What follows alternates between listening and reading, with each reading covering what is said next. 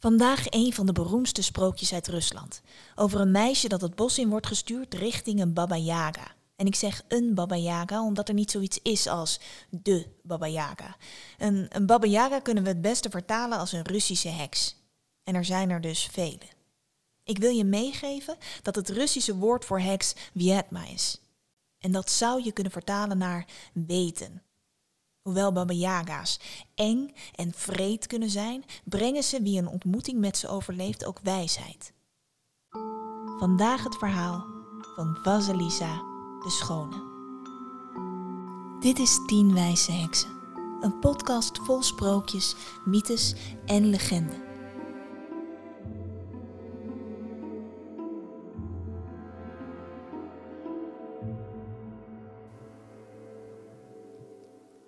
Vasilisa was net acht toen haar moeder overleed. Naast het bed had ze de hand van de jonge vrouw vastgehouden die steeds langzamer was gaan ademhalen. Ze twijfelde of ze überhaupt nog wel aanwezig was toen haar moeder zachtjes in haar kleine hand kneep. Vasilushka, mompelde ze. Weet dat ik nooit helemaal weg ben. En met haar laatste krachten tilde ze een klein popje onder de lakens vandaan. Ze legde het in de hand van Vasilisa voordat ze voor de laatste keer uitademde en de stilte als een deken over haar lichaam viel. Hoewel haar vader verdronk in het verdriet van het verlies van zijn vrouw, besefte hij zich ook dat hij een inkomen moest blijven genereren. Voor hemzelf, voor zijn dochter. Hij was een koopman, hij moest reizen, dus hij moest een oplossing bedenken voor de zorg over zijn dochter. In het dorp woonde een weduwe met twee dochters. En het was misschien geen huwelijk uit liefde, maar daar was ook helemaal geen behoefte aan. Zijn liefde was gestorven. Dit was een huwelijk uit noodzaak. De weduwe en haar twee dochters trokken in bij Vasilisa en haar vader. Maar iedere keer wanneer haar vader vertrok, veranderde de weduwe in een koele vrouw. Geen glimlach was er voor Vasilisa. En hoe ouder Vasilisa werd, hoe meer taken de weduwe op de schouders van Vasilisa plaatste. Terwijl haar stiefzusters achterover in het gras lagen te zonnen, bewerkte Vasilisa het land. Maakte het huis schoon, ging naar de markt, kookte, verrichtte naaiwerk en als dank werd ze vaak geslagen, geknepen, vernederd. Maar hoewel het leven zwaar was voor Vasilisa, behield ze een glimlach op haar gezicht, een vriendelijkheid, zelfs naar de mensen die haar als slaaf gebruikten. Iedere nacht plaatste Vasilisa haar popje naast haar op het kussen en vertelde over haar dagen, over haar zorgen. Ze voerde het poppetje als het ware met haar verhalen. En het was bijna alsof een warmte van het kleine ding afstraalde. Alsof het haar zachtjes in slaap zong, haar geruststelde. Alsof ze niet alleen was. Alsof alles goed zou komen. Ondertussen konden de weduwe en haar dochters het meisje steeds minder goed verdragen. Hoe venijnig ze haar ook behandelde, de blossen op haar wangen bleven gloeien, haar huid, haar humeur leken nauwelijks geraakt door het harde werken. En als er mensen langs hun huis kwamen, was het Vasilisa die altijd hartelijk begroet werd. Het werd hun duidelijk. De enige manier waarop zij zelf het aanzien zouden krijgen dat ze zo verlangden, was door zich van Vasilisa te ontdoen. En zo was het, dat op een avond de vuren in het huis zich doofden. Toen Vasilisa binnenkwam van het voeden van de dieren was de ruimte koud en duister. Waar is het vuur? vroeg ze aan haar stiefzussen. Die haalden hun schouders op alsof ze van niks wisten. Maar we hebben vuur nodig, riep Vasilisa uit. Anders wordt het koud. We, we zullen sterven. Nou, als het vuur zo belangrijk voor je is, zei de ene zuster, dan zul je nieuw vuur moeten halen. Juist, zei de andere zuster, als het zo belangrijk voor je is. Maar, zei Vasilisa, waar haal ik vuur vandaan? Waar haal ik vuur vandaan dat zo sterk is dat het de tocht naar huis zal overleven? De zusters haalden weer hun schouders op. Geen idee, zei de ene zuster. Wacht eens, nou ja, je zou natuurlijk naar de Baba Yaga in het bos kunnen gaan. Ja, zei de andere zuster. Dat is een knijtergoed idee. De Baba Yaga in het bos, die kan je zeker vuur geven. Vasilisa knikte. Want hoewel haar buik zich omdraaide bij de gedachte alleen het donkere bos in te moeten wandelen, aan te moeten kloppen bij de heks die zich daar schuil hield, wilde ze dit niet tonen aan haar stiefzussen. Daarbij, ze hadden dat vuur nodig. Dus trok ze haar mantel aan, stopte het popje in haar zak en ging op weg. Terwijl ze liep, kwam er plots uit het bos een rode ridder over het pad. Hij liep er nog net niet omver en bijna gelijktijdig verscheen aan de horizon de zon. Daarna galoppeerde rakelings langs haar een witte ridder en de dag begon. Ze liep. Ze liep heel de dag lang totdat er een zwarte ridder langskwam en het begon te schemeren. En toen zag ze in de verte lichtjes branden. En toen ze dichterbij kwam, zag ze een huis. Een huis zoals ze nog nooit had gezien, stond daar op een open plek. Het was een oude houten hut op, op kippenpoten. En om de hut heen stond een hekwerk gemaakt van mensenbotten. Daarbovenop schedels, die gloeiden en een warm licht verspreidden. Vasilisa rilde. Ze sloot haar hand stevig om het popje, alsof het een wapen was, of in ieder geval haar kon vullen met de moed die ze nodig zou hebben om aan te kloppen. Toen ze op dat moment een gesuis hoorde. Ze draaide zich om en daar kwam een oude vrouw aangevlogen in een vijzel. Als een soort roeispaan schepte ze met een stamper door de lucht, wilde grijze lokken om het hoofd, scherpe tanden in een grijnzende mond. De Baba Yaga remde af en hield stil naast Vasilisa. Verdwaald? vroeg de Baba Yaga. Nee, mevrouw, antwoordde Vasilisa. Mevrouw? lachte de Baba Yaga. Ik kom hier voor vuur, zei Vasilisa, die het beter leek om meteen ter zake te komen. En waarom zou ik jou vuur geven? Omdat ik het vraag? De Baba Yaga knikte. Ja, je vroeg het niet echt, wel? Nee, zei Vasilisa. Nee, dat was niet vriendelijk. Ach, ik heb een schurft hekel aan. Vriendelijk.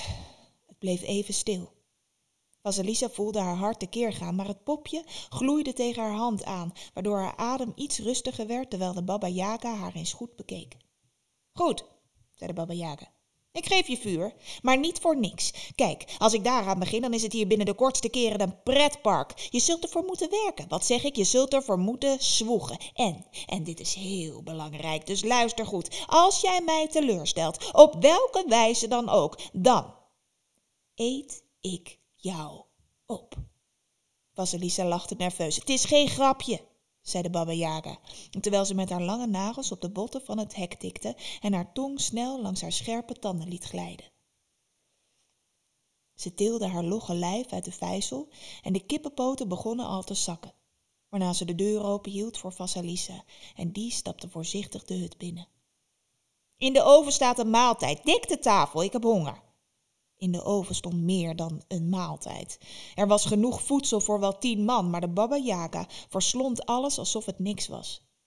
Ze liet enkel een korst brood en een klein kopje soep over, wat ze over de tafel richting Vasilisa schoof. Luister, zei ze, morgen maak je het hier schoon. Je veegt het erf aan, je kookt, gaat naar de schuur en scheidt daar het rotte mais van het goede. Hierna viel de Baba Yaga in een diepe slaap. Vasilisa kroop in een hoekje van de hut, haalde haar popje tevoorschijn en voerde het met haar verhalen over alles wat ze die dag had meegemaakt. Over de opdracht die ze moest vervullen de volgende dag. En heel even twijfelde ze of ze alles wel zou kunnen volbrengen in, in één dag. Maar het was alsof het popje haar zorgen uit haar hoofd streek en ze viel in een diepe slaap. De volgende dag vertrok de Baba Yaga al vroeg en Vasilisa ging aan het werk. Ze was het gewend om hard te werken. En toen de Baba Yaga die avond thuis kwam, had ze alles aan kant. Zelfs de mais in de schuur lag in twee keurige stapels. De Baba Yaga was even stil, draaide zich toe naar het meisje. Hm, interessant, zei ze, waarna ze in haar handen klapte en drie paar handen verschenen die het mais begonnen te malen. Nadat ze had gegeten en opnieuw Vasilisa enkel wat korstjes en een laagje soep had toegeschoven, leunde de Baba achteruit en zei: Morgen verwacht ik hetzelfde van je. Behalve de mais natuurlijk, die is al gedaan. Dus morgen mag jij het maanzaad uitzoeken. Het zit vol met aarde. Ik verwacht morgen een stapel schoon maanzaad. U bedoelt, vroeg Vasilisa, die hele kleine zwarte zaadjes? Ja, zei de Baba. Maar wat? Is er een probleem? Nee, antwoordde Vasilisa. Nee, natuurlijk niet. En ze dacht terug aan de belofte van de Baba Yaga, die haar zou opeten als ze haar taken niet zou volbrengen. Nadat de Baba Yaga in slaap was gevallen, haalde Vasilisa het popje tevoorschijn en begon te huilen. Ze voerde het popje met de verhalen en snikte: Hoe dan? Hoe kan ik ooit deze taken volbrengen? Het was bijna alsof het popje het kopje iets schuin hield en haar aankeek. Ja, je hebt gelijk, zei Vasilisa. Deze tranen brengen mij niks. Ik moet vertrouwen hebben dat ik het kan. Ik wil het, dus ik kan het. Ze veegde haar wangen droog, stopte het popje in haar zak en liep naar de schuur. En heel de nacht werkte ze door, tot ze in slaap viel te midden van het zaad. En toen ze ontwaakte, was ieder zaadje schoon. Ze kon zich het moment dat ze in slaap was gevallen niet herinneren. Heel de nacht was nog een wazig beeld in haar hoofd. Had zij werkelijk al dit werk verricht? Even keek ze naar het popje in haar hand. Heb ik dat gedaan? Of was ik misschien niet helemaal alleen? vroeg ze. Daarna sopte ze het huis, veegde het erf en maakte het eten klaar voordat de Baba weer thuis kwam. De Baba Yaga bekeek het harde werk, knikte, klapte in haar handen, waarna opnieuw drie paar handen verschenen, die het maanzaad begonnen te persen om de olie eruit te halen. Waarna de Baba Yaga aan tafel het eten naar binnen begon te werken. Um, mevrouw? Komt ze weer met haar mevrouw, riep de Baba Yaga uit. Zou ik iets mogen vragen? vroeg Vasilisa voorzichtig. De Baba Yaga zuchtte, veegde het vet van haar mond en boog zich iets naar Vasilisa toe. Ja, ja, dat mag. Maar goed, denk goed na over wat je me wil vragen. Kijk, niet alle vragen brengen goede dingen. En veel kennis maakt vroeg oud. De Baba Yaga keek haar streng aan. Ik bedoel, toen ik hierheen liep, kwam ik drie ruiters tegen. Wie waren dat? Ah, de Baba Yaga begon te glunderen. De rode ruiter is mijn zonsopkomst. De witte ruiter is mijn dag en de zwarte ruiter is mijn nacht. Vasilisa knikte. Wil je niets meer vragen? Wil je niet vragen naar de handen? Naar de botten waarvan mijn hek gemaakt zijn, waarom mijn huis op kippenpoten staat, misschien, misschien wel wat mijn ware naam is? Vasilisa schudde haar hoofd. Nee, dank je. Een wijze vrouw vertelde mij ooit dat veel kennis vroeg oud maakt. De Baba Yaga schaterlachte. Goed, dan heb ik nu een vraag voor jou. Hoe komt het dat jij mijn taken weet te volbrengen? Mijn moeder gaf mij een popje toen ze stierf. Zo is ze altijd bij me. Ze geeft me de kracht om bergen te verplaatsen. Gadverdamme, zei de baba Jager. Val me niet lastig met dat pathetische burgerlijke gedoe. Scheer je weg, donder op. Maar Vasilisa dacht een kleine glimlach op het gezicht van de oude vrouw te zien. Ze draaide zich om, liep richting de deur. Wacht, riep de baba Yaga. Buiten kun je een schedel pakken. De schedels dragen een vuur dat zeer krachtig is. Breng dat maar naar die stiefmoeder en zussen van je. Kent u mijn stiefmoeder en zussen? Is dat een vraag? Oh, nee. Mooi. Opdonderen dan. En Vasalisa liep snel naar buiten. Ze nam een schedel mee, wandelde door het bos naar huis. Thuis schrokken de weduwe en haar dochters van de terugkeer van Vasilisa. Was ze niet verscheurd? Was ze niet opgegeten door de Baba Yaga? Vasilisa plaatste de schedel op de eettafel. Haar stiefzussen trokken hun neus op, probeerden te achterhalen van wie die schedel wel eens niet zou kunnen zijn. En hoewel het huisje eerst heel behagelijk begon te voelen, volgden de kooltjes van ogen de hele nacht de weduwe en de stiefzussen, die het steeds warmer en warmer en warmer begonnen te krijgen totdat er in de ochtend niet veel meer van ze over was dan een hoopje as. En toen de vader van Vasilisa thuis kwam en verbaasd opkeek alleen zijn dochter aan te treffen, zei Vasilisa, Papa, ik denk dat ik het nu wel zonder moeder kan.